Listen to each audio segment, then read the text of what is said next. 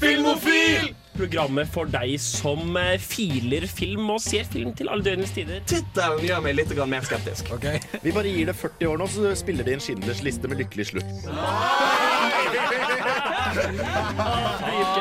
Så vi får se. Men da har vi en sammenligning mellom Ja, ja, ja. Mike og Tom Cruise. Bare hør altså, liksom, synopsiset, for dette er kanskje det mest Tim Burton jeg har hørt om Ok, på lenge. Du hører på Filmofil på Radio Revolt. Hasta la vista, baby. Hei og velkommen hit til Filmofil eh, på Radio Revolt. Eh, I dag har vi en bra sending foran oss med Will They, Won't They-tema.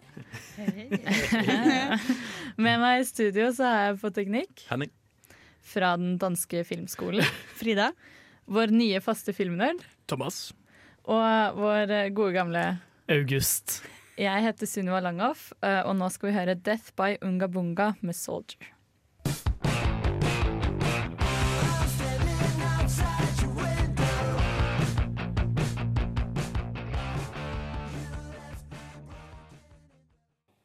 Death by Unga Bunga med Soldier der, altså. Her i Filmofil skal vi begynne med å snakke om hva vi har sett siden sist. Og Henning og Frida kan jo kanskje begynne. Og Thomas. Ja. Og Thomas. Wow. Vi var på Studentersamfunnets filmklubb på søndag, og så Planet of the Apes fra Oh, yeah. 68. Ja. Og jeg må si jeg er faktisk veldig imponert. Jeg Eh, òg. ja. Jeg og Thomas har diskutert for noen dager siden hvordan uh, 2001 og Space Odyssey ikke har særlig særlig god historie, men at den er veldig veldig kul rent teknisk. At det er mer sånn en showreel, på en måte. Så det var litt det jeg forventa her dag, men jeg syns den var rå. Historien var faktisk kjempekul, og budskapet var sånn Den overraska deg, på en måte. Kan jeg bare få skyte inn Ja. at uh, 2001 har holdt seg på alle mulige måter, og fuck dere. Ja. Eh, jeg tenker først og fremst nei, uh, men tilbake til Planet of the Apes. Er det at uh, storyen er så liksom sentralistisk. Det er veldig sånn kul story der som varer over lengre tid. Selv om mye et kamera liksom, Du ser at han er gammel, men det at storyen er så viktig, og det er der jeg føler at 2001 faller gjennom. For at der er det ikke noen stor story som du kan remake. Nei, du kan ikke remake eh, 2001, det tror jeg alle er enige om. Men den er jo en litt sånn spesiell greie med at det er tema i sentrum uten plott som nødvendigvis alltid går inn bytter og støtter opp. Men en ting eh, med Planet of the Apes som jeg syns var ganske spesielt, det er jo den derre En veldig behagelig ting med mange gamle filmer, hvor god tid de tar seg hele tiden. Som er en litt sånn derre Ja. Teit ting å savne i meg som liker liksom lettbeint action og sci-fi og ting som ikke nødvendigvis er liksom veldig tungt og kunstnerisk. Men her tar de seg tid til at de skal liksom krangle innad i dette apesamfunnet, og så må vi i retten. Og det tar så lang tid hvor de er i retten og sånn Objection! Og så må det liksom Du må sitte og se på alt sammen, men det gir historien som utrolig mye mer liv, da. Det liksom um, veier opp for at du ser veldig godt at det ikke er aper. Så tror du på en måte mer på samfunnet fordi de tar seg tid til å bygge det ut på alle mulige måter. Og det som er så mye av det kule, er jo det at uh, storyen i seg selv holder seg jo veldig fint. Men det er også hvor kult hvordan denne filmen er fra 1968. Men den tar for seg så viktige uh, sånn samfunnspolitiske spørsmål som er nesten like reelle i dag, over 50 år senere, der de tar for seg rasisme, klasseforskjell, hvordan man behandler dyr, og hvordan et samfunn er, opp, det er bygd opp på veldig mange av disse spørsmålene som er veldig kule. En annen ting som jeg bare må nevne, er jo at Planet of the Apes er jo litt en sånn eh, Alle vet slutten, på en måte. Ikke jeg. Tydeligvis ikke jeg heller. Wow, seriøst. Fordi Ja. jeg gikk også med Jeg har en venninne som kjøpte seg en sånn spoiler-T-shirt. Der hvor det sto liksom 'Darth Vader is Luke's father'. Og da var Planet of the Apes på den. Den slutten er noe litt sånn sjette sansen-aktig. En av disse som mange vet. Men jeg gikk med en hel gjeng som ikke visste slutten, som satt og var litt sånn What?! Seriøst. Når du Eller du skjønte det jo ganske underveis, men på en måte så Ja. fikk den opplevelsen, og den er jeg litt misunnelig på. Ja, jeg har liksom Jeg har alltid visst at det var en plott twist der. Som jeg har på en måte unngått så langt det lar seg gjøre. Men jeg, liksom, jeg mistenker at det kommer til å være nok å bare vite at det er noe der. Du skjønner det tidlig. Vi så Ja. det nå. Ja. Ja. En ting jeg lurer litt på, er liksom sånn Hvordan er de som er fra i dag, i forhold til den på 60-tallet? De filmene? Eh, tingen er jo det at uh, du må tenke på at det finnes to remakes. Det finnes Tim Burton-dritt. Uh, unnskyld for alle som likte det, men dere tar feil. Og så har du de nye remakesene, og de er ikke en remake av denne filmen. De er remake av film 3, 4 og 5. Så dette er en slags soft remake. Så den originale filmen er fortsatt canon. Eh, Så det, det som skjer er at De nye filmene er historien om hvordan dette universet blir skapt. De remaker aldri den, for den står på sine egne ben 50 år senere. Kan jeg bare skyte inn at Rise of the Plant of the Apes, som er den eneste av de jeg har sett, er en skikkelig dårlig film. Der er du feil. Den er fantastisk. Du tar feil. Er det, er det den som er den første av de nye? Ja. Rise of the Planet of the Apes? Jævla tittelen. Men eh, Thomas, du hadde sett noe annet også, hadde du ikke det? Jeg har sett, og denne kommer jeg til å ødelegge utdannelsen på, og det er Mullard Drive av eh, David Lynch. Mulholland Drive. Mulholland Drive. Mulholland Drive. Ja, den eh, Hvis du noen gang har lyst til å se en film Du har lyst til å finne ut hvordan syre er, men du har ikke lyst til å ta syre. Så sett på denne filmen, for da vet du hvordan syre virker, og du kommer til å sitte der etterpå. Enten så liker du det, eller så kommer du til å hate det.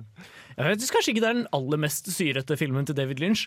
Jeg synes nok for Det sier eksempel noe. Inland Empire er mye høyere syretrippfaktor, men det endrer ikke det faktum at Mulholland Drive er ganske vanskelig å vri hodet sitt rundt. Ja, for Eraserhead også er vel er ikke? Nå har ikke jeg sett så mye der, men den også er på den ganske syrete enden av skalaen. Helt klart mer syre enn Mulholland Drive. Ja. Ja, og on that note så hører vi Brenn med Costume Girl.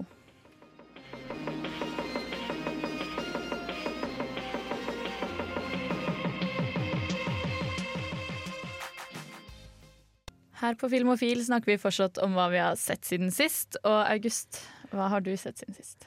Jeg uh, hadde en veldig trivelig lørdag oppe på Byåsen, hvor jeg satt barnevakt for, mine fett, eh, for min fetter og to kusiner. Nok en gang. Nok en gang. Ja. Jeg gjør det med jevne mellomrom.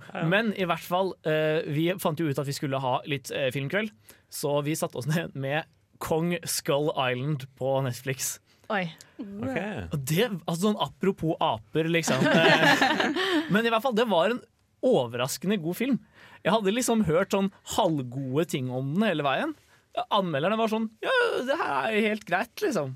Eh, Men da jeg satte meg ned med den, så var den jeg vet, Den var overraskende fin, da. Jeg hadde, jeg hadde ikke trodd det skulle være så mye Det er kanskje den blockbusteren fra fjoråret som hadde mest sånn visuell Eller flest eh, spennende visuelle ideer på gang. Og det hadde jeg ikke helt forventa, da. Ja. Men er dette en anbefaling, eller ah, det er bedre enn jeg trodde? Eh, dette er en sånn Du du må være i rett modus. Den er veldig sånn det, Dette er ikke en dyp og Eller dette er ikke en dypsindig film på noen måte. Barnevaktfilm. Det er veldig, veldig god barnevaktfilm. Jeg tror min fetter på ni syntes den var veldig kul. Ja. Eh, men men eh, jeg vet ikke, den, er- den er sånn fin å slappe av med en dag man er litt bakfull, på en måte. Det er litt sånn hvis du åpner Netflix og leter etter noe å se, og du tenker at ja, det kan gå, så burde du, burde du se den, liksom. Ja, så, hvis du våkner opp på lørdag og kjenner at i dag er ikke jeg i stand til å se noe fornuftig, liksom, Ja, okay. Ja, så er Kong Skull Island et veldig veldig godt alternativ. Den er rett og slett Det har høy underholdningsverdi og øh, ja, så er overraskende fin å se på. Der har vi det. Men Sunniva, da? Uh, Har du meg? sett noe fint? Eh, jeg har sett så sykt mye, ass. Fordi jo, men sånn, I det siste så har det kommet så mye nytt at det er sånn som kommer ukentlig. ikke sant? Så nå er hele uka mi liksom lagt opp etter hva som kommer den dagen. Så liksom søndag er Broen, og så er mandag The Kardashians, tirsdag ja. Så liksom hver dag så har jeg liksom en variasjon av et eller annet som jeg må catche opp på nyeste episode da. Og det er litt slitsomt, fordi at hvis jeg dropper én, så går jo hele systemet i dass. For da må jeg liksom se to forskjellige ting en annen dag. ikke sant? Ja, ok. Og det er eh, veldig frustrerende. Så du følger med på disse seriene som faktisk legger ut episodisk? Det er lenge siden jeg har fulgt med på Ja, en serie som er episodisk, og Altså- ikke bare sånn alt! Og så har du ti timer der du bare ikke vet hvor jeg er hen, og bare hvor var Thomas da han var inne på rommet sitt nå? Ja, altså Det er jo ikke helt uh, Jeg liker egentlig best når alt er lagt ut, men når broen kommer, liksom, så kan du ikke ikke se det. I hvert fall ikke når NRK er sånn Nei, det ligger bare uten en måned. Det skal jo også sies at den opplevelsen å sitte og følge, det å sitte og vente, det gjør at du nyter en serie på en måte som man faktisk ikke gjør med binging. ass. Hilsen en som satt obsessed med Skam. Det, jeg tror ikke du kan gjenskape den nytelsen, da. Ja, det er jo det at jeg tenker Det kommer litt an på hvilken type serie det er. For det er sånn noen sier type House of Cards, der det kommer en liten bolk, liten bolke med ti timer. Men det er sånn type, jeg har gjort det med Castle. Der var det ni sesonger ute, og jeg var liksom ferdig etter tre sesonger. Da, jeg, da kunne jeg ikke se noe mer liksom, krimserie, for jeg var på en måte, jeg var utsett. Så du har noe med de, de seriene som varer litt lenge, som er litt fine å følge med på. Jeg hang meg mer opp ved det at, du, at systemet ditt blir ødelagt hvis du, ikke har, eller hvis du mister en episode av Keeping Up with the Kardashians. Det, jeg sliter litt med det problemet, eh, med at det er et problem. Ja, men Altså, hun er jo gravid! vi-! Ja, nei, hun er ikke gravid, hun har fått en Ja, baby. Kylie Jenner og, Hallo! Her, og de har holdt det hemmelig, og det er bare så spennende. Jeg skjønner ikke at dere ikke henger med. Ja, det er baby på baby på baby, liksom. Og de har så rare navn. De er kalt opp etter emojis. Hva er det, hva er det, Det er nye. Stormy er det den nye til Stormy, Kylie. Ja. ja. Men, men det som er problemet, er jo ikke egentlig det at jeg går glipp av én episode. Poenget er jo mer det at hvis jeg går glipp av Kardashians på mandag, så må jeg se både Kardashians og uh, American Crime Story sesong to på tirsdag. Og det er to forskjellige ting, og det fungerer ikke helt å se rett etter hverandre. da. Ja, for da kommer du inn i liksom Kardashians-stemninga. ja, og så skal jeg plutselig se liksom hvordan Versace ble drept etterpå. Det er ikke liksom helt Så det, hvis jeg ikke holder systemet, så roter jeg egentlig til hele feelingen av det. Du kan jo argumentere for at begge deler handler om drama i moteverden da. Jo, eh, kanskje, men det ene er mord, og det andre er babyer. Sånn, ikke ikke de blande de to, kanskje. Stormy. Livets to ender. Oh. Og nå er jo Chloé neste til å få barn. Det er så spennende. Ja, og, og Kim Kardashian fikk vel også unge. Den Ja, med heter surrogat. Chicago. Ja. Er det Chicago? Jeg har Ja. ikke sett at de har Nei, hun skal få et nytt barn med Nei, surrogat. hun har akkurat fått. Hun fikk en Med- uke før Kylie. Herregud. Hun er på dette, hun vet. Hun følger med dagentlig, ukentlig. Det Ja, det er viktig å følge med på The Kardashians. Du blir et bedre menneske, for hvis ikke hadde jeg sladret om vennene mine. Og det er faktisk Det er en feil. dårlig Ja, Ja. det er feil. Så tar du det på Kardashians. Ja. uh, nå skal vi høre The Underdog med Gum.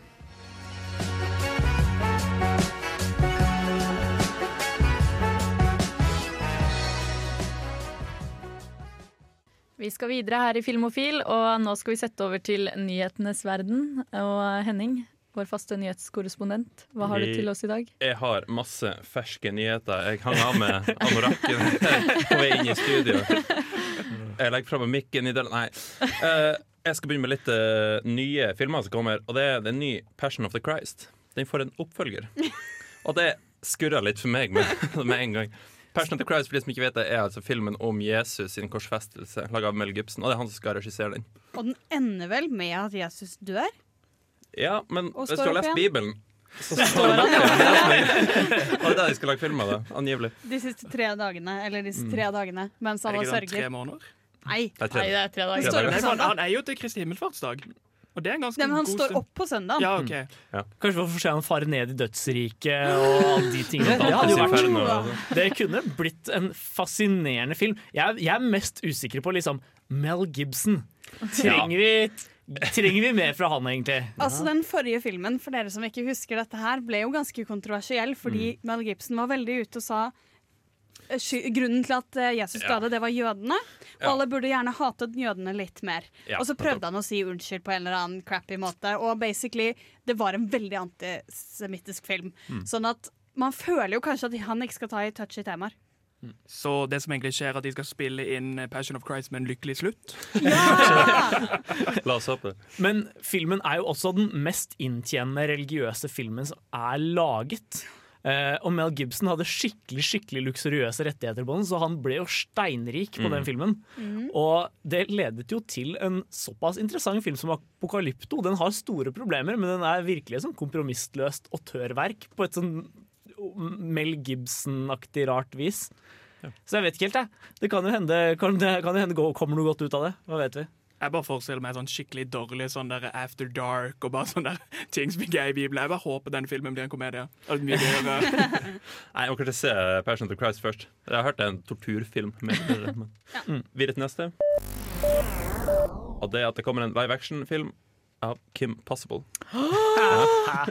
Serr? No joke. Ja, ja. Det er. Seriously, liksom? Ja. Det, skal, eh, det skal i hvert fall skrives og produseres blant annet av uh, de skaperne Zack uh, Lipowski og Adam Stein. Jeg håper de beholder uh, introen. Sånn En please, du. Jeg er livredd for å se den der rotta i virkeligheten. Den virker bare animert. Skorpus? Nei, hva er det den heter? Eh, Rufus? Rufus. Rufus, ja. Det kommer sikkert til å bli sånn crappy CG-rotte. Oh, Nakenrotte. Det er kjedelig om de ikke trener rotte til den filmen. Men her føler jeg også vi på en måte tipper over et eller annet punkt i å melke nostalgi. Fordi Kim Possible trodde jeg faktisk skulle få sove godt der borte. Ja, Vi er inne på et sånt skummelt spor når vi begynner å lage live action-filmer av Disney, Disney Channel-TV-seriene. Ja. For der er det veldig mye nostalgi, og veldig mye som ikke på en måte Som har godt av den nostalgien. Er vel er kanskje poenget mitt. Ja. Men altså, jeg skjønner jo hvorfor de gjør det. Hotte damer som løper rundt og slåss, liksom. Altså, Men mye av proble mye problemet derfor det jeg husker er at dette var i den perioden av TV at de bare kutta ting uten å gi det en ordentlig slutt. Ble det en ordentlig lykkelig slutt på den serien? For det var mange animasjonsserier som bare ble kutta. De blir kjærester. så- ja, de blir kjærester. Jo, jo. Nerden og Kim. liksom. Ron og Kim. Seriøst? Jeg har du ikke sett det kysset på YouTube? Nei. Men det er ikke det siste som skjer. Det er jo en sesong eller noe etter at Ja, de Og er en ordentlig god slutt? Så det holder seg faktisk litt til temaet til sendinga. Dwayne The Rock Johnson setter kanskje verdensrekord i film, og det er for lengste hopp. Hele tolv meter. Ja, ja. Den nye filmen hans, eh, 'Skyscraper', der hopper han ifra et sånt derre- Hva heter det? Sånn heisekrantårn, de er gule som du ser Ja. i byene, ikke sant? En heisekran, rett og slett. Ikke en tårn. Okay. Ja, en heisekran. I hvert fall, han, han sprenger på ei heisekran, uh, på den der krana. da. sprenger på toppen av den, og så hopper han. Og det er cliffhangeren i traileren. Og det er også uh, plakaten til filmen. Og folk har liksom tatt høgda hans og målt opp, og det er hele tolv meter han må klarere. Rent horisontalt ikke sant, for å nå det i det hele tatt. Så enten så slår han verdensrekord i film, eller så dør han. Og det, det er jo neppe. Altså, de blir ikke vist det i trailer og på, på, plakaten. For det finnes jo ikke noe som heter special effects. Nei. Eller fetteren sin fra stuntmannen. Ja, ikke sant. Andreplassen kan jeg nevne det er Matthew McConaughey i 'Rain of Fire'. Han satt uh... Vi skal, Unnskyld. skal ikke- vi skal fortsette med nyheter etter pausen, men her kommer Pale Honey med 'Replace Me'.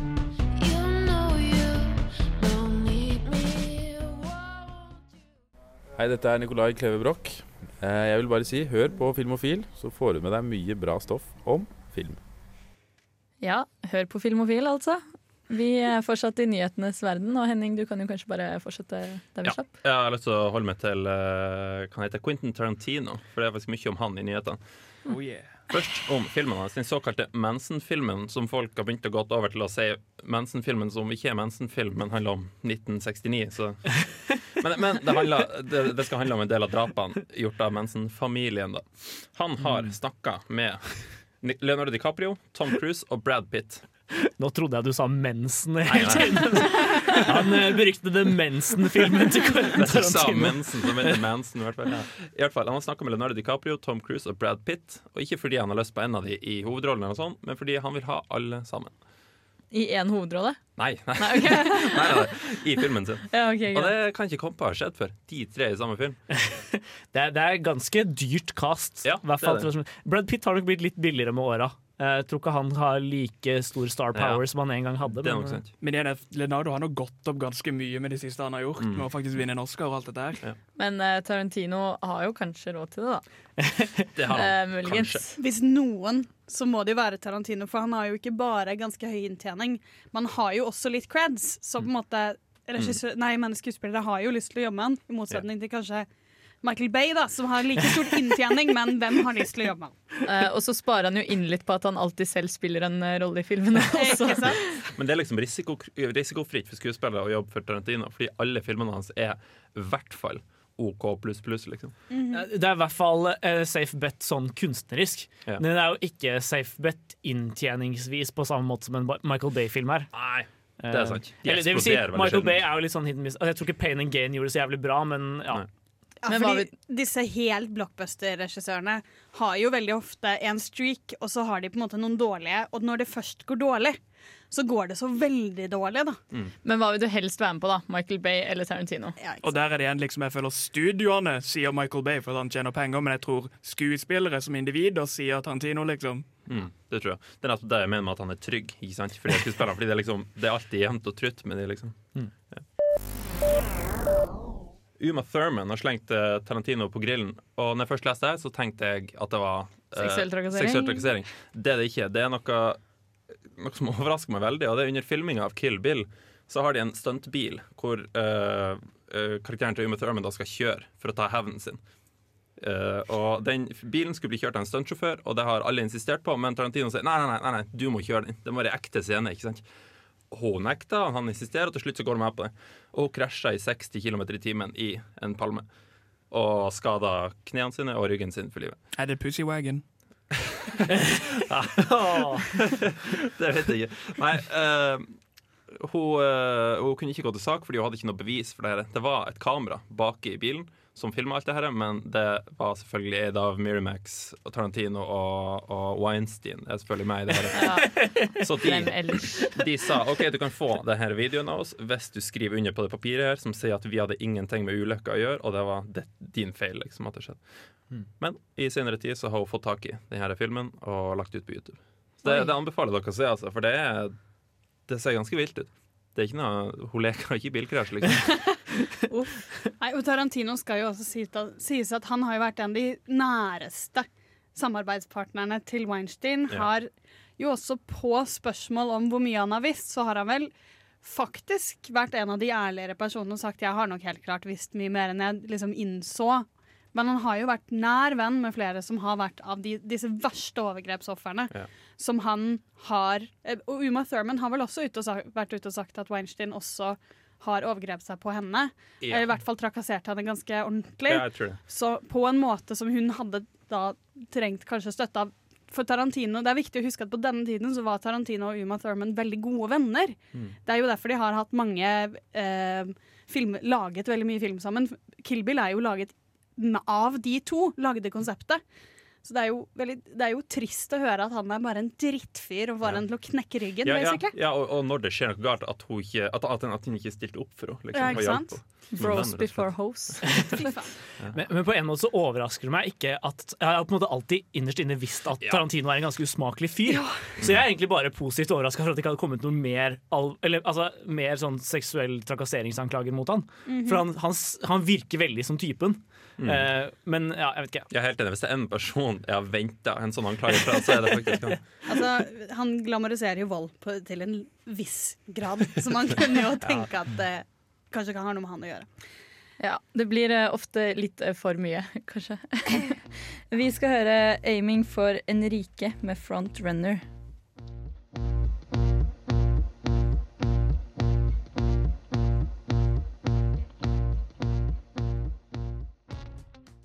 Vi skal rolig begynne å bevege oss eh, inn mot temadelen her i Filmofil. Og i den anledning så har eh, Thomas vært og anmeldt Fifty Shades of Grey. Så vi Fifty kan Shades Free. Fifty Shades Free. Ja. Treeren i serien der, altså. Så vi kan jo kanskje bare høre den anmeldelsen med en gang. Good morning, wife. Good morning, husband. Fifty Shades Free er den siste filmen i E.L. James sin bokserie. Filmen som lover deg kinky hot sex, fylt av spanking, flogging og alle dine dirty drømmer, har nesten ingen sex i seg. Men ikke vær redd.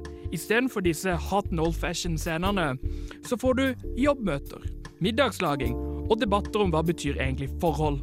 Men det er ikke alt du får. Du får også en dårlig skrevet subplot om kidnapping, racing og espionasje. Så får det til å virke som de gikk tom for ideer halvveis inn, og ellers stjal slutten fra en Bond-film. Vær klar for den siste filmen i serien som lover deg hot, steamy sex. Leverer en film som er like kald som restene du finner i kjøleskapet. Med to hovedskuespillere som har ingen kjemi verken på eller av skjermen. De virker faktisk som de hater hverandre. Når det beste skuespillet du får, enten når de er sint på hverandre, eller den andre ikke er i rommet. Med skuespillere som ikke viser mye form for tiltrekkelse, er det vanskelig å bli investert i karakterene sin ark og følelser for hverandre. Og dette er jo en romantisk film. Det gjør meg heller ikke mer interessert i filmen, som både mangler god story og karakterer, og som etterlater seg ingen form for fotspor. Problemet er at denne filmen kan med fire min gjøres om til en PG-13-film uten å miste noen av storyen, og jeg bruker storyen i den svakeste formen av ordet. La oss snakke om disse seks scenene, som bare er syv min av filmen. Og ikke lyv. Du kom på denne filmen for å se sex. Å si at du ikke gikk på en Fifty Shades-film for å se sex, er litt som å si at du leser artiklene i Playboy. Og det er alt du gjør. Til å være en, eh, en trent turner, som vi ser i den forrige filmen, er ikke Mr. Grey spesielt kreativ eller myk når det kommer til stillingene han velger i sengerommet, der stillingene varierer fra missionary til missionary til missionary på et bord. So you want to play? Yes, sir.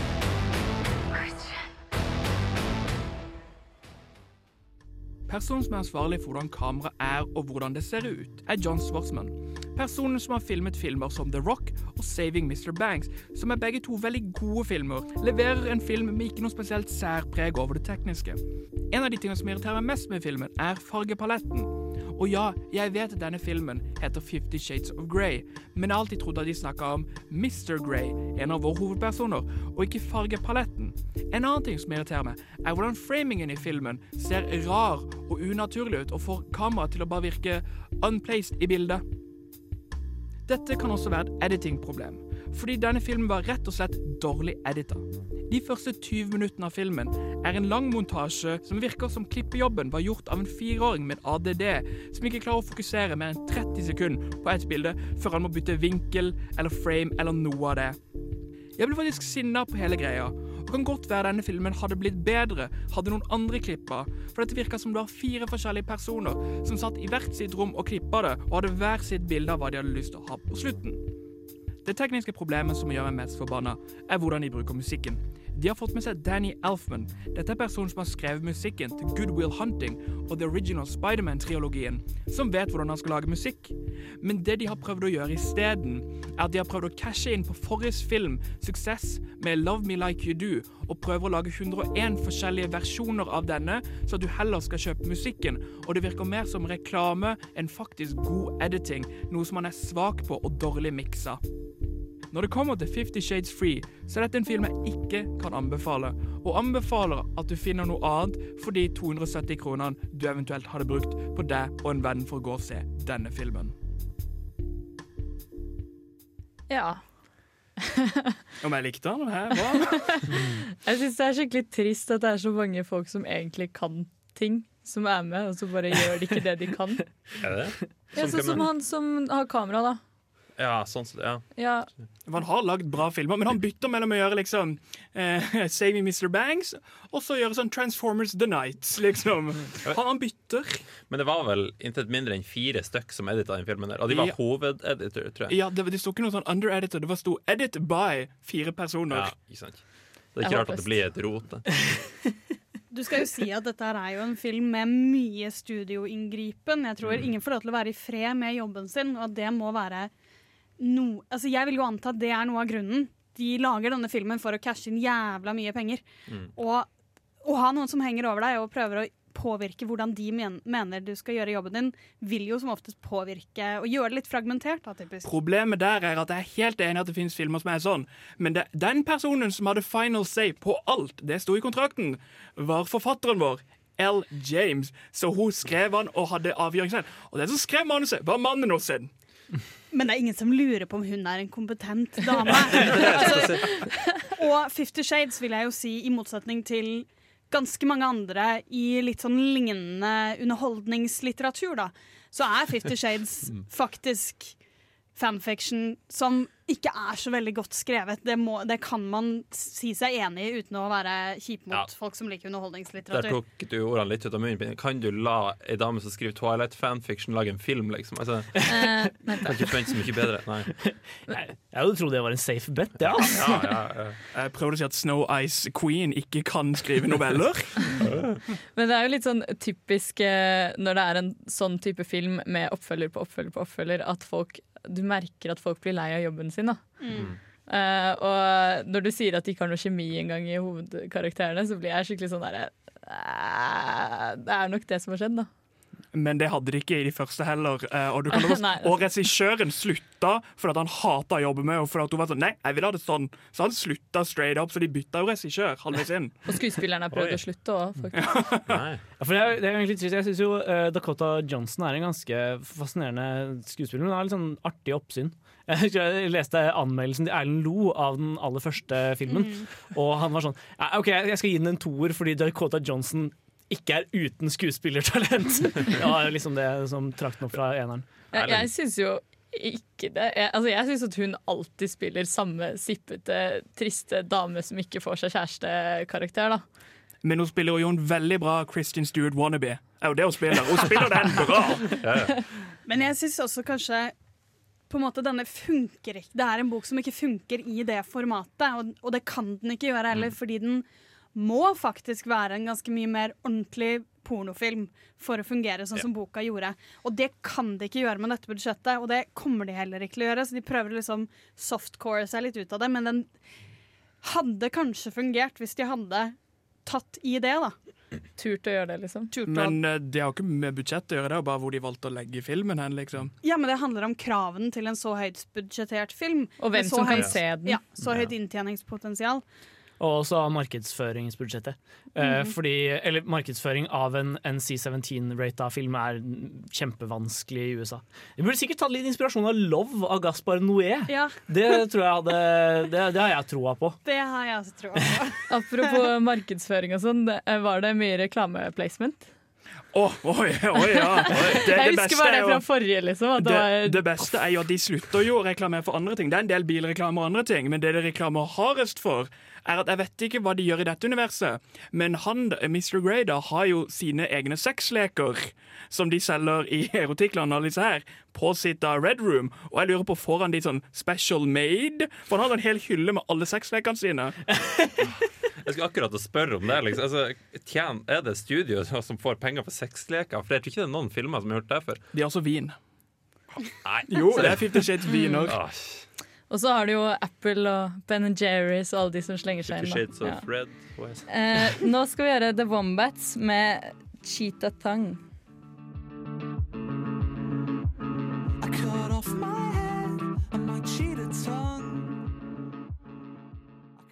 Nå skal vi for alvor bevege oss inn på temadelen, og i dag så skal vi jo snakke om Will they, want they-tematikken. Eh, og Frida, du kan jo kanskje lede oss litt inn på det. Introdusere. Ja. Så Will they want they er egentlig en trope, og en trope er på en måte en klisjé som ikke, det er ikke like negativt ladet. Det er bare alle sånn konvensjonene som fins i film og TV-er og serier og litteratur og alt som er. Og Will they want they er egentlig en veldig vanlig eh, seriedynamikk. Spesielt da i TV-serier som går over lang tid med et liksom bærende kjærlighetsforhold. Eller hva skal du si, seksuell eh, spenning. Ja, som eh, ikke får liksom fullt utløp, da. Som ikke blir avgjort. Så det er da typisk hovedhistorien som vi følger. Og så har du ofte et sidepar som har et forhold, som på en måte får leve ut forhold. Men will they want want they er på en måte denne dynamikken med folk som liksom nærmer seg å bli kjærester, men så kan de ikke allikevel. Og så blir de kjærester, og så kan de ikke allikevel. Så liksom fram og tilbake for å spille på hjertestrengene til oss seerne. Det er så veldig sånn effektivt historiefortellingsgrep. Da. Eh, og eh, jeg vet ikke, det er, det er ikke alltid det er den bærende uh, fortellingen heller i en serie. Uh, det, ofte er det også litt sånn biplott-greie, men det, er, uh, det bidrar alltid med litt sånn mer langsiktig dynamikk. da. Ja, fordi ofte, veldig ofte i serier så er det på en måte dette som skal gi en emosjonell kjerne til en serie som egentlig har lyst til å drive med noe litt annet. Så det er ikke, ofte i da serier som ikke hovedsakelig tar for seg psykologi, sånn som sitcom og mye mer sånn Transformers-aktige filmer, kan ha et will they, want they-forhold for å få oss emosjonelt engasjert. da. det er en fin måte å eh, på en måte lage en story der det egentlig ikke er en story, sånn type Friends, eh, type ja, uh, New Girl, alle disse her, der det på en måte settingen er en morsom setting. Vi, har, vi kommer tilbake og tilbake og tilbake, og da er det vanskelig at alt forandrer seg, så det er en veldig fin å kunne hoppe tilbake litt der når du går tom for episoder, eller når du trenger en rød tråd for det faktisk er en mening. Ja, dette, er jo, dette går jo tilbake til på en måte uh, føljetongen i avisene. På en måte. Dette er eh, en trope som har vært med oss siden på en måte serialisert serialiserte narrativ sin, sin opprinnelse.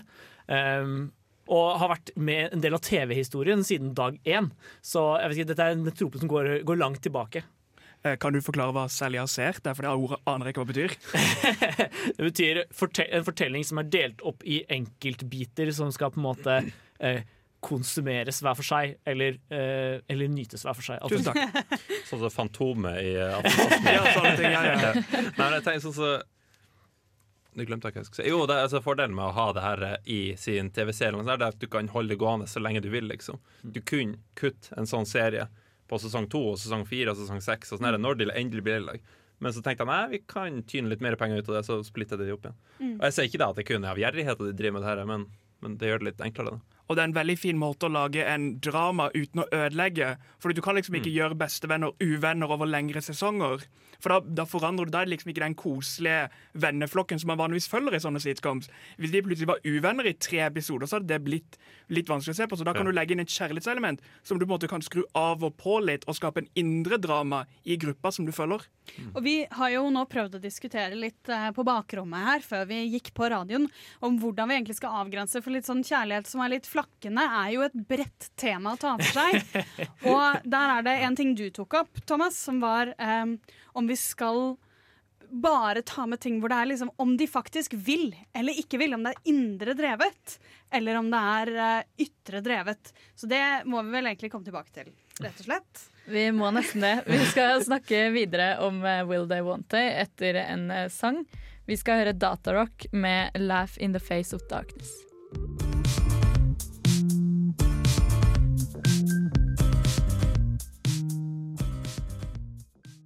Nå skal vi ta en liten eh, titt på et av de kanskje tidligste Will They Want They-forholdene.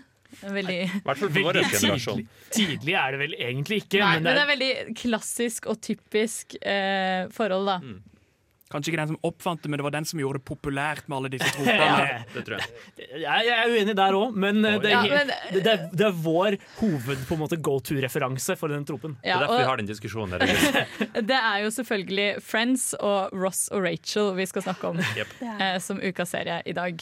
Og for dere som ikke har sett Friends. How dare you! Ja, helt riktig. Ja. Eh, men altså, for dere som har sett Friends litt sporadisk, da, August, eh, så kan det være vanskelig å følge med på hva Ross og Rachel sitt forhold egentlig er. Fordi de starter Ross har vært forelsket i Rachel hele livet sitt. Og så kommer hun tilbake, og så har de en liten sånn seksuell spenning i én sesong cirka, og så blir de kjærester. Og så er han kjip med henne på jobben hennes, og så slår de opp igjen.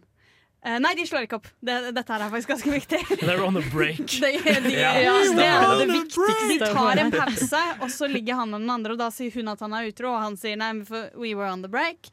Og så holder det på i fuckings resten av serien, og de får et barn sammen uten å bli kjærester igjen, men bare med en sånn liksom lengtende blikk Flink. på hverandre. Og de gifta seg vel òg? I fylla i Las I fylla, Vegas. Las. Vegas, ja, Eh, og så skal de skille seg, og så sier han til henne at de er skilt, og så er de ikke egentlig skilt. Nei, Og så fordi det ville vært hans tredje skilsmisse. Og det er han litt kleint å Ja, si. Og helt i siste sesong, altså helt siste episode, så blir de kjærester igjen.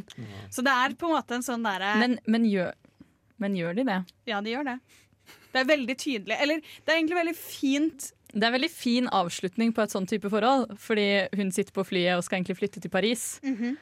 og han eh, kjører i taxi til flyplassen og skal få henne episode? tilbake.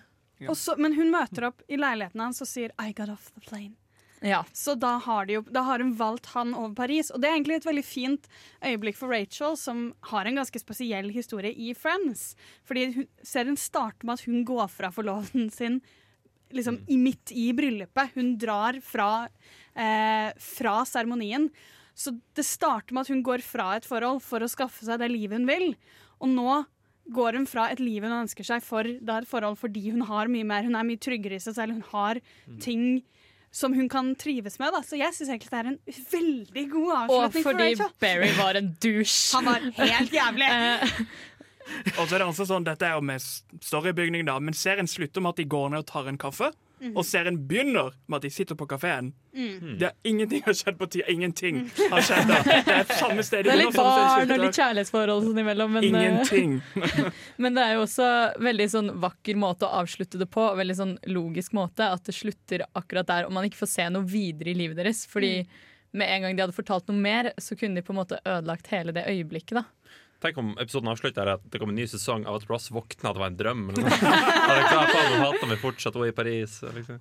Og det er jo også kanskje grunnen til at det igjen og igjen er litt sånn rykter om at eh, kommer det en film, kommer det ikke en film? Eh, Det kommer ikke en film. Jo, jo, jo, de signa for to år siden, faktisk. Å, Alle unntatt Lisa Kudrow. Men Å, så har det vært Death Silence siden. Men det skal sies at disse her egentlig er veldig klassiske i den forstand som vi snakker om, egentlig. Fordi de er para opp litt for tidlig. Det var så god Jeg har sett igjen litt tidlige sesonger av Friends, og de har så utrolig god spenning i starten. Og med en gang de blir kjærester, så blir han bare veldig sjalu, og så blir man sånn Herregud, Rachel, du må dra fra Ross. Han er en drittfyr. Han prøver å liksom sabotere jobben din fordi han føler at du henger for mye med kollegaen din. Så på en måte, det bare funker ikke med en gang de går sammen og blir et par. Og veldig, det funker så bra mens de bare lengter etter hverandre. Så jeg er veldig for at de to slo opp. Og der er det også litt den der eh, tropen at det kan ikke, alt må være det samme, men det må forandre seg hele tida. Mm. Eh, og det som er det kule med Friends, er at den begynte jo faktisk uten det stabile paret som det alle andre serier har. liksom, Det Mm. var ikke i begynnelsen, og det var ganske kult. Og så har de jo klart å få det inn etter hvert, da. Og ja, det er så fint. Jeg elsker det paret. Ja. Ja, men det var, ble ikke det litt sånn dobbelt opp, det? Med at det var to par? Eh, jo, Sånn veldig Wanty-par, liksom? ja, men det var ikke helt samtidig, så Nei. det gikk liksom fint. Nei, nei, kanskje ikke. Vi skal høre Honningbarna med Sant.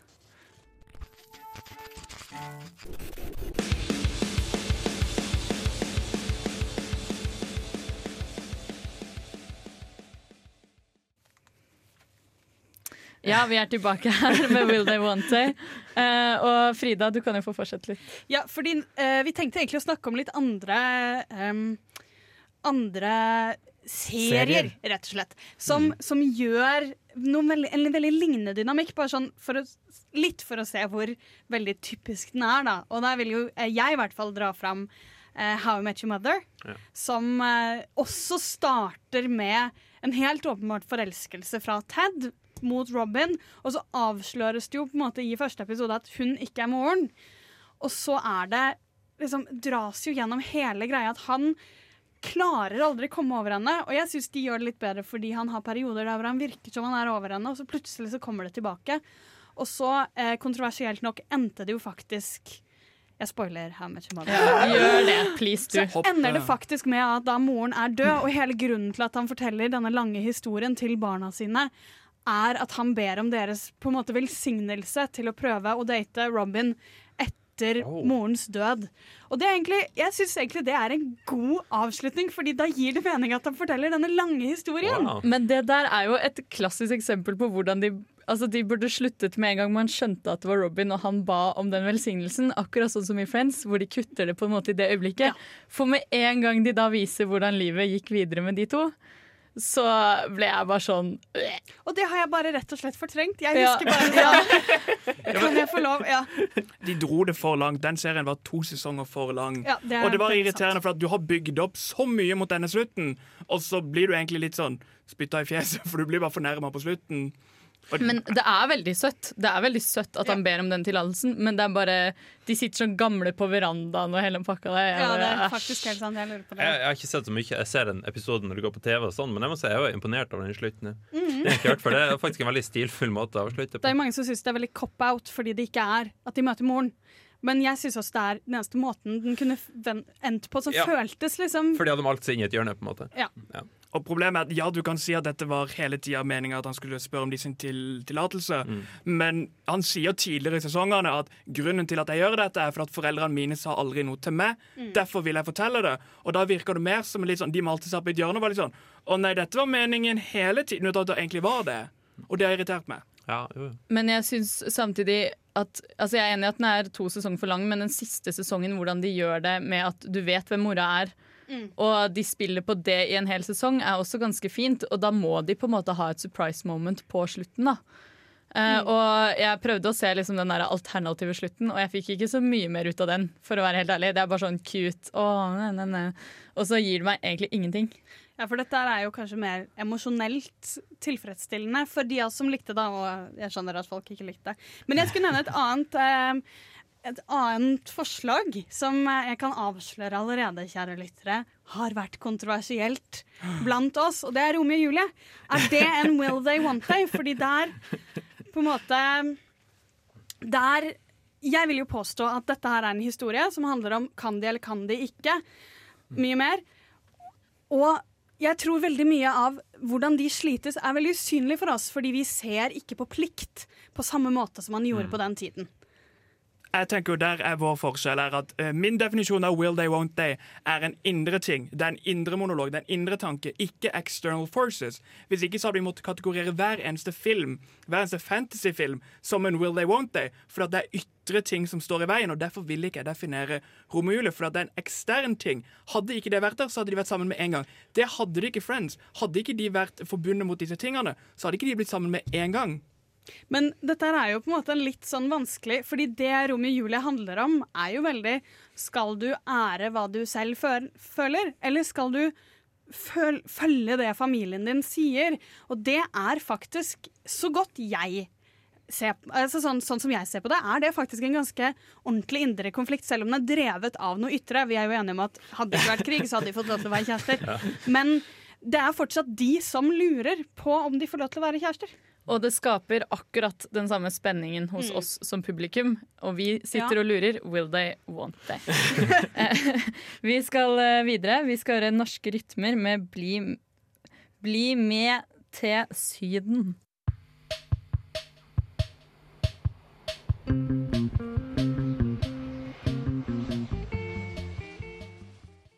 Nå har vi jo snakket en del om eh, serier, og hvordan Will They Want They er veldig vanlig i serier. Og det er jo noe mindre vanlig i film, av den enkle grunnen at de kanskje ikke har like god tid på seg til å liksom fremme disse forholdene. Det vil jo virke veldig billig hvis et par slår opp, blir sammen, slår opp, blir sammen i løpet av to timer, liksom. Men vi har jo et veldig godt eksempel på en gang hvor de faktisk gjør det.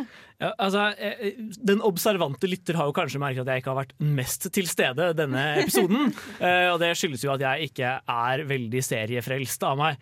Eh, men eh, her kan jeg bidra, for vi har, eh, vi eh, har satt jo i forrige uke som ukas hjemmelekse Pacific Rim. Og grunnen til det er at den på en måte eksemplifiserer hvorfor uh, Will They Won't They-tropen ikke funker like godt på film. For spoiler for Pacific Rim her. De setter opp et forhold veldig tydelig mellom uh, Mako og hovedpersonen. Og det er så kleint. kleint. som heter Eller jeg spilte av Charlie Hunnen. Uh, og det, det, er, det er dritkleint satt opp eh, på en sånn perfekt måte, syns jeg, da. Eh, men eh, i hvert fall når vi kommer til siste liksom, scena i filmen, og vi forventer at liksom, nå får vi kysset på den livbåten litt ute i Stillehavet, så bare kysser de ikke. Og De gjør en litt der sånn, liksom- der- sånn clean sidehug, gjør de ikke? ja, ja, da, de, har lagt opp, de har hatt en sånn derre Kommer de til å bli sammen? Kommer de ikke til å bli sammen? Og, og i film så må de liksom alltid bli sammen til slutt, Ja. fordi det er Eller fordi klimakset skal komme da i slutten av de, de to timene man har satt av. Ja. Mens i en serie så skal man holde det gående mye lenger. Uh, det er derfor jeg sier at Willy Wanted-tropen har, har med serialiserte narrativ å gjøre. Um, mens det, ja, jeg føler den, der, den litt rare følelsen man sitter igjen med etter Pacific Rim, er et veldig, er veldig god grunn for at Will They Want It-tropen ikke er så til stede i film. da. Det er jo også noe med hvordan de bygger opp hele den scenen. At det kommer liksom sånn 50-60 helikoptre for å redde to mennesker midt Ja. ute i Stillehavet. Altså sånn, det er så overdådig, da. Det er så svaneformasjoner òg, sånn, Ja, liksom i over hodene deres, og så går kameraet sakte utover, og de sitter der, og så er det sånn kyss, kyss, kyss, kyss. Og så bare Nei, klem. Ja, det er ikke sånn at du sitter og heier. Liksom, kom igjen, kyss, kom igjen. Kom. Men du bare sånn, forventer ja, at- ja. kyss, Og nei nei vel. Men jeg tenker jo egentlig det er en ganske interessant et interessant grep fra filmskapere. da, Som eh, at Will They Want They-filmer da typisk blir mer å spille på publikums forventninger til, en, til det narrativet. da. Så vi sitter her og er sånn eh, Oh my god, de kommer til å kysse! Men det er ikke sånn eller sånn som jeg så den filmen, var jo at det handler veldig mye om å bygge tillit. Mm. Fordi de skal på en måte være hver sin hjernehalvdel for denne robotgreia. Og at når du vet at de ikke får hverandre på slutten, så kan den historien handle om et veldig nært forhold som ikke er et platonisk nært forhold. Ja, jeg jeg syns jo, jo det rett og slett ender opp med å bli en slags vakker skildring av et vennskap. Som bare er satt opp på en sånn hyperseksualisert og klein måte. Eh, som på en måte så, Og, og den, den hyperseksualiserte og kleine måten kler filmen av, etter min mening. Den passer på en måte inn der, eh, Mm. i alt det andre teite. Eh, men Ja, jeg, jeg, syns det var, jeg, jeg, jeg syns nok egentlig det var et fint øyeblikk, da. Selv om jeg tror mange av de 13-åringene som dro og så den, kanskje satt og savnet noe av det. Men det er jo litt sånn at fordi den filmen vet at den spiller på å være litt sånn teit, så fungerer det på en god måte. Men det hadde jo ikke fungert like bra i liksom Pearl Harbor, for eksempel. Altså, det, jo, jo, men sånn overromantiske filmer med mye action, så hadde det ikke funket. Det måtte jo på en måte være en sånn type film. Det funker veldig godt i Happy Go Lucky, for det er altså en film som spiller på tropene til en romantisk komedie. Hva forventer vi Ja. av en sånn der quirky, eh, morsom dame, og at hun skal liksom ta inn sånne litt sånn derre kjipe, selvhatende menn og liksom redde dem. Og hele filmen på en måte gir ikke mening som et narrativ. Det gir bare mening når jeg skjønner hva jeg har følt hele veien. At jeg har heid på et skikkelig usunt forhold, fordi det er det jeg forventer fra eh, Fra hvordan sånne filmer ofte er, da. Det er jo på en måte det vi er lært opp til å føle. Og eh, jeg var litt for ung da jeg så den, for jeg satt i hvert fall veldig Og skjønte ikke helt hvorfor det ikke skjedde. Vi skal høre Gwenno med Tyr ha mor.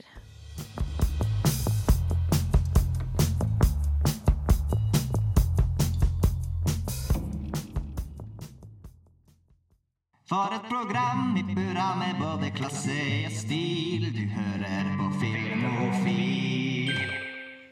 Vi skal videre til ukas filmlåt her på Filmofil. Eh, Og i den anledning så skal vi snakke om Before-trilogien. Yay! Og August, du kan jo kanskje fortelle oss litt om eh, disse filmene? Ja, for Will, uh, Before-trilogien er et veldig interessant eksempel på en Will They, Won't They-historie på film. For uh, Before-trilogien består av foreløpig tre filmer. Uh, Before Sunrise, Before Sunset og Before Midnight. Before Sunrise kom i 1995, ja. Den kom i 95. Og eh, handler om Ethan Hawke, eh, amerikaner på interrail i Europa, eh, og Julie Delpy, en fransk dame på besøk i Wien, som møter hverandre en, eh, en natt i Wien. Da. Og eh, de på en måte utvikler seg sånn kjærlighetsforhold i løpet av den ene natta, men skal på en måte forlate hverandre etterpå. Og avtaler å møtes igjen i, i Wien et år etterpå. Men vi vet aldri om det skjer. Plutselig, i 2004, så kommer neste film i serien. Med de samme skuespillerne, med samme regissør. Det er Richard Linklater som har regien på alle sammen. Og i denne filmen så uh, møtes også karakterene igjen for første gang på ni år. Og denne gangen så blir de sammen.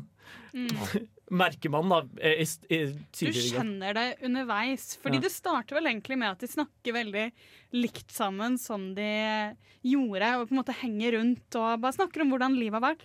Og så etter hvert så begynner de å komme inn på sånn dette, Det møtet med deg, det betydde egentlig så mye mer for meg enn jeg egentlig har villet. Jeg har liksom hatt et langt ekteskap bak meg, og allikevel så er det deg jeg tenker på. Så de ender opp med at han Jeg tror hun sier du kommer til å miste flyet ditt. Ja. Det er det aller siste som skjer. Eh, og så går vi videre til Before Midnight, som da foregår ni år etter dette igjen. Hvor disse to har fått to døtre og har et, en forholdskrise. Da. Mm. Så filmserien er rett og slett eh, en sånn Den tar for seg hver del av en typisk sånn Will They, Won't They-trope fra en eller annen TV-serie. Mm. Men har kondensert det ned til liksom at én film handler om hver del. Da. De bare uh, hopper over all dritten i midten, liksom. og, og særlig Before uh, Sunset er Ja. etter min mening en vanvittig imponerende film. Er nummer to. Den, ja, nummer to. Ja. For det å lage nummer tre når nummer to allerede var laga, det var liksom sånn uh, naturlig ting å gjøre. Og film nummer én i seg selv, veldig bra sånn roman romanse. Men det fins jo mange sånne der De møtes, har en meningsfull eh, kort periode sammen, og så dras, drar de fra hverandre. Sånn som Weekend for eksempel, gjør noe lignende. Så det er ikke bare han som har gjort det. Men derimot I Before Sunset så er det plutselig liksom eh, Så gjør de noe man aldri har sett tidligere før på film. da Og det, er, det fungerer så vanvittig bra. Kort spørsmål som jeg tror jeg vet svaret på. Det var vel ikke planlagt når du lagde den første filmen at det skulle bli en trilogi av det her? Nei, det tror jeg ikke. Nei, for det var ni år, var det du sa? Jeg lurer på om jeg leste at han hadde planlagt det, han hadde bare ikke Han sagt det til noen. alltid planlagt liksom, Han har vel tenkt på det, men at Ja. skuespillerne ble så engasjert. Og de har jo vært da disse skuespillerne har vært med å skrive manus og på en måte utviklet karakterene sine. Så det virker som det er litt at alle forelsket seg i prosjektet og har villet ta det videre. Og Richard Linklater har jo vært kjent for jobbing med tid gjennom hele Mm. sin karriere. Altså, han, eh, han begynte jo eh, Eller han har jo også, er også veldig kjent for Boyhood. Mm. Som, ja, det er samme fyr, ja. Samme regissør. Ja. For jeg skulle akkurat til å spørre om det. Så eh, ja, Lek med tid er liksom hans greie, men uh, Before-trilogien Before-trilogien er rett og slett det mest vellykkede eksperimentet i den sjangeren, vil jeg si. da. Ja, for det er akkurat det at det er, eh, Dere nevnte jo i stad de tar bort uviktige deler. Og det er noe veldig viktig med det som skjer i hele denne trilogien. At du faktisk du lar det gå tid, de blir eldre, og du på en måte tror så veldig på dem når de sitter og sier at noe var viktig, og det føles rart for dem. At det er riktig fordi du har ikke sett at de liksom tenker på hverandre og sånn. Du får bare plutselig se at de betyr mye for hverandre og vil snakke sammen. Og det er så vakkert. Og alle må se den. Alle sammen. Det skal jeg gjøre. Og så er det jo også veldig tilfredsstillende at du på en måte får eh, den, det tidsrommet imellom. Da. Mm. Vi hører låta, vi. Julie Delphi med 'Waltz for a Night' fra Before-trilogien.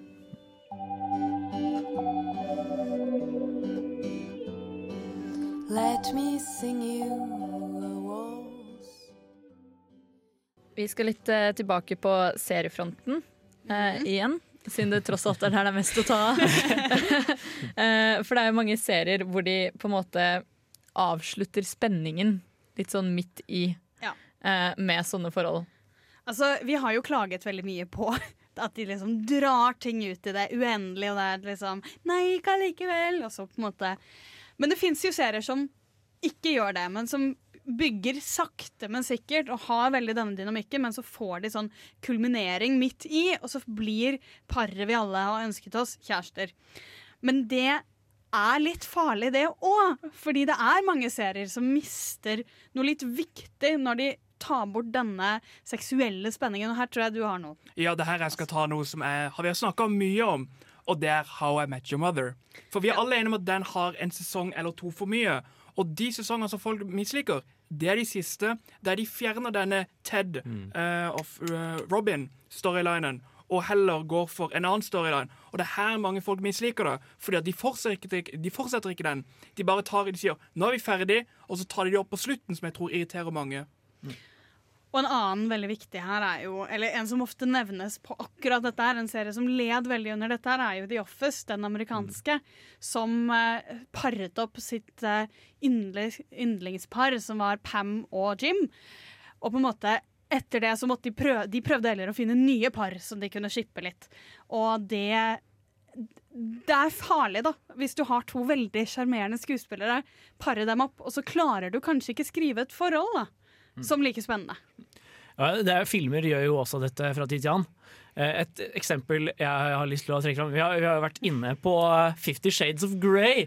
Eh, Men Oh, yeah. the, the original uh, Twilight lider Mm. veldig under dette. I hvert fall syns jeg det. Fordi første film har jo en viss Det, det er ikke en, ikke en total katastrofe, liksom. Det er, det er helt OK film.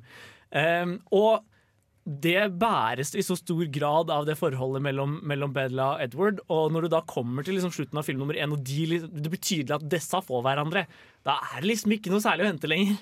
Nei, og i hvert fall ikke i film to, når de prøver å dra inn Jacob og hele konflikten der. Og du, altså når Bella til og med selv sier at eh, det er bare Edvard. Mm. Eh, og så skal hele filmen fortsatt handle om Å, kanskje hun velger Jacob, da. Når hun har sagt helt tydelig at nei. Men han har jo sixpack! Er det ikke det folk vil ha? Nei, han er mye mer sjarmerende. Han er jo mye Og hun er mye morsommere sammen med han. Det er jo derfor Så den føler jeg egentlig er liksom Will They Want They på fansen. Hun spiller på fansens følelser, men Bella er så klar på hva hun skal ha. Mm. Og det, jeg er helt enig, jeg syns jo også at eh, Twilight er best når du sitter og er sånn Men han er jo vampyr! Hvordan klarer han å være sammen med henne? Han glitrer i sola. Er ikke Scrubs noe å nevne her òg? Jo. Fordi de uh, Der var det JD og hva heter hun blonde? Elliot. Elliot, ja. De uh, har den der av og på, av og på greia hele tida. Og de hadde et par på sida som holdt til Carla og Turk. Mm. Eh, Som, som er eh, på en måte fast sammen. som er fast, ja. Ikke sant? Og har et fint forhold, og de, de slo vel aldri opp, så vidt Nei. jeg vet. Eh, og, og i, det ble vel to sesonger etter at de liksom De flytta, på en måte. Eller til JD ble lag, og så kom det et nytt cast da som skulle være de nye internene. Altså, Den de- siste sesongen. ja, ja, ja, det var bare én. Ja. fordi de skjønte jo med en gang at det her går ikke, og så kutta de. Det var, for det funka virkelig ikke. Men en av de spiller jo faktisk også i How I Met Your Mother. Som det? en Will They Want They-karakter. Ja, her kommer et lite problem jeg har med denne tropen, og det er at den er veldig, veldig straight white. Mm. Alle okay. disse forhold er den første heterofile mannen som passer inn, og den første eh, liksom ønskede kvinnen. Og der skal jeg ta en eh, som mange kanskje ikke tenker på, men Harry Potter. Vet du hvem som er den aller første kvinnen han ser, som er en passende match? Mange sier, mange sier det er eh, Emma Watson. Sin Det er jo Gulla. Men, men hun møter Gulla først. Og hva skjer på slutten? De er gift. Første kvinnen han ser. Men i Harry Potter er det jo faktisk mye mer interessant å ta opp eh, Ronny og Hermine. Fordi de er Will They Want They de luxe. Jeg leste den nettopp igjen. Det bygges opp fra Ja. fuckings første boka. Jeg skjønner ikke at man har hatt en stor gjeng som trodde at Harry og Hermine skulle Nei, bli hvem trodde noen gang det? Hver gang det er så beskrevet, hver gang de er alene sammen, så er det sånn Livet var litt trist uten Ronny. Det som, er, det som gjorde den Ja. serien veldig bra, var at Jake, nei, Jake, jo, jo, JK Rowling selv var faktisk ikke enig med seg selv hvem Mm. eh, hun skulle ende opp med. Hun satt lenge og lurte på Skal det være Harry. Skal det være ikke, for Her er de ikke ferdig, og det gjør spenningen, for hun visste det ikke. Men eh, for leserne var det ganske Det tydelig. Hvis du leser bitte litt Ja, du skjønner det med en gang. Vi skal videre. Vi skal høre Ni grader nord med Hym.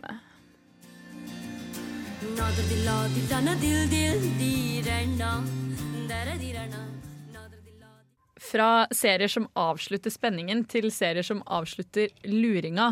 Altså der hvor det faktisk fungerer å avslutte det. Eh, Ja, skal vi snakke litt om nå. Hvor de ikke avslutter spenningen, er det vel egentlig. Jeg prøvde Ja. å lage en liten distinksjon. For jeg, eh, egentlig Grunnen til at jeg ville snakke om dette her, er at jeg så på Jeg driver og ser på Brooklyn 99, knallserie som alle burde se på. Eh, em, som faktisk går inn i neste ukes tema. Spennende, spennende. Ooh, teaser! Men eh, Foreshadowing. dette her er en, en serie som har en ganske gjennomgående Will They Want They-historie med to av hovedkarakterene. Og de gjør det på en veldig flott måte, fordi det de på en måte Sånn de gjør hele lureperioden, hvor vi lurer på skal de få hverandre, er basically at de tar veldig sjelden i det. Så når det dukker opp, så blir man veldig glad for det, men man blir ikke lei. Og den samme holdningen har de hatt inn i forholdet, sånn at hver gang det kommer på en måte noe forholdsaktig om dem, så har du sett dem såpass sjelden være kjærestete at du blir veldig glad. Sånn at når, måte, når de da velger å ta en episode hvor han ene eh, må si 'I love you' tilbake, så på en måte så, så tåler du det, fordi du er så lite eksponert for den kjærlighetshistorien. Så du blir sånn 'Ja, mer! Vær så snill, det er så hyggelig!' Når dere kan være litt sånn søte sammen. Og det er veldig flott gjort, har jeg tenkt. Det som er det fine der, er jo det at de har eh, en krimstory å kunne lene seg tilbake på. Så de trenger liksom ikke å ha det for å ha spenning i hver eneste episode. Og det gjør det jo veldig bra, for da kan du heller komme innom og heller tease det istedenfor en sånn Ja, du, vi har ikke så mye å skrive om nå. Eh, de to de kan, eh, kan gå tilbake til den. Nettopp. Jeg er litt uenig, fordi jeg syns ikke de har så mye krim. Men de har et sterkt ensemble, og de har alltid lent seg veldig sterkt på det. Og det er jo veldig mange som blir overrasket når de starter å se på den eh, serien, for det er han eh, Andy Samberg som spiller hovedrollen, så man tenker at han skal liksom bare få leke seg. Og likevel så tar de seg så god tid til å bygge ut alle andre karakterene, så de har veldig mye annet å lene seg på. Som det ikke er krimmen, men de har et stort ensemble som kan ta egne historier. Vel, han leker seg gjennom hele serien. Ja, det gjør han. Absolutt. Men poenget er jo kanskje det at eh, i motsetning til serier hvor dating og kjærlighet er hele tematikken, og så skal de ha sånne forhold på si, Mm. så har de en annen tematikk enn akkurat den datingen og kjærligheten, og det gjør at kjærligheten kan komme litt på en måte mer til nytte, da. Ja, det er nettopp det at du kan ta det ut. Hvis du tar forholdet til Russell Rachel ut av Friends, så blir det en jævla rar serie. Ja. Hva har du igjen? Det er jo Ross, liksom. Nei, eh, Joey. Joey. Ja, hvis du fjerner all kjærlighet. Jeg ville sett Ja. det. Men jeg vil jo kanskje si at eh, mange av sånne serier har egentlig noe å lære, fordi de fleste episodene til Friends handler jo ikke om det, men det er på en måte, de tar seg mye mindre tid til det emosjonelle i vennskapene deres, syns jeg. Så det er ofte mye I mer Brooklyn Nine-Nine? Nei, i, Friends. Nei, i i Friends. Sånn at i Brooklyn Nine-Nine, når de, de kan lage andre forholdsemosjonelle øyeblikk, som da er mellom venner, som man blir veldig eh, Ok. oppslukt av. Mens Friends lar på en måte alle forholdsøyeblikk være romantiske, og det er derfor alle må pare seg opp med litt sånn Rachel må holde på litt med Joey. Fordi det hadde ikke vært nok at han faktisk støttet henne gjennom en graviditet og eh, nyfødtperiode og var en god venn. De må heller gjøre det til at han skal være forelsket i henne. Der er jeg veldig sterkt uenig. Jeg syns at det er bromance på bromance i Friends. Eller sånn Ja, det er vennskaps... bromance, men- jo, men Jo, men det er jo vennskapsforhold som Altså, det heter Friends. Det er liksom Det er jo det som er det viktige, egentlig. Forholdene dem imellom. Uh, for å ta det til en serie som ligner, men som gjør det litt dårligere, er jo da Castle. For der Mhm. har du den krimsettinga med en ganske sånn der stor will they, won't they, for du har en som er liksom er hele tida på det, og den andre er litt sånn nei. Og den serien faller jo litt sammen mot slutten, fordi at liksom de bygger det forbi opp, og så begynner det å falle. Og jeg vil bare nevne en helt på slutten her, som er Buffy. Som gjør, har det beste svaret på Will Day Want Day, fordi fansen var så gira på Buffy og Spike. Og så er uh, Joss Whedon sånn OK, dere får det, men det blir jævlig abusive. Jeg er lei for det. Det blir bare skikkelig usunt forhold. Alt dere drømte om kommer, men nå som mareritt. det er veldig flott. I'm gonna make you regret it, liksom. Det er litt slemt, da. Det er litt slemt. Det er litt slemt. Ja, uh, and on that note så tar vi Hints med New for you.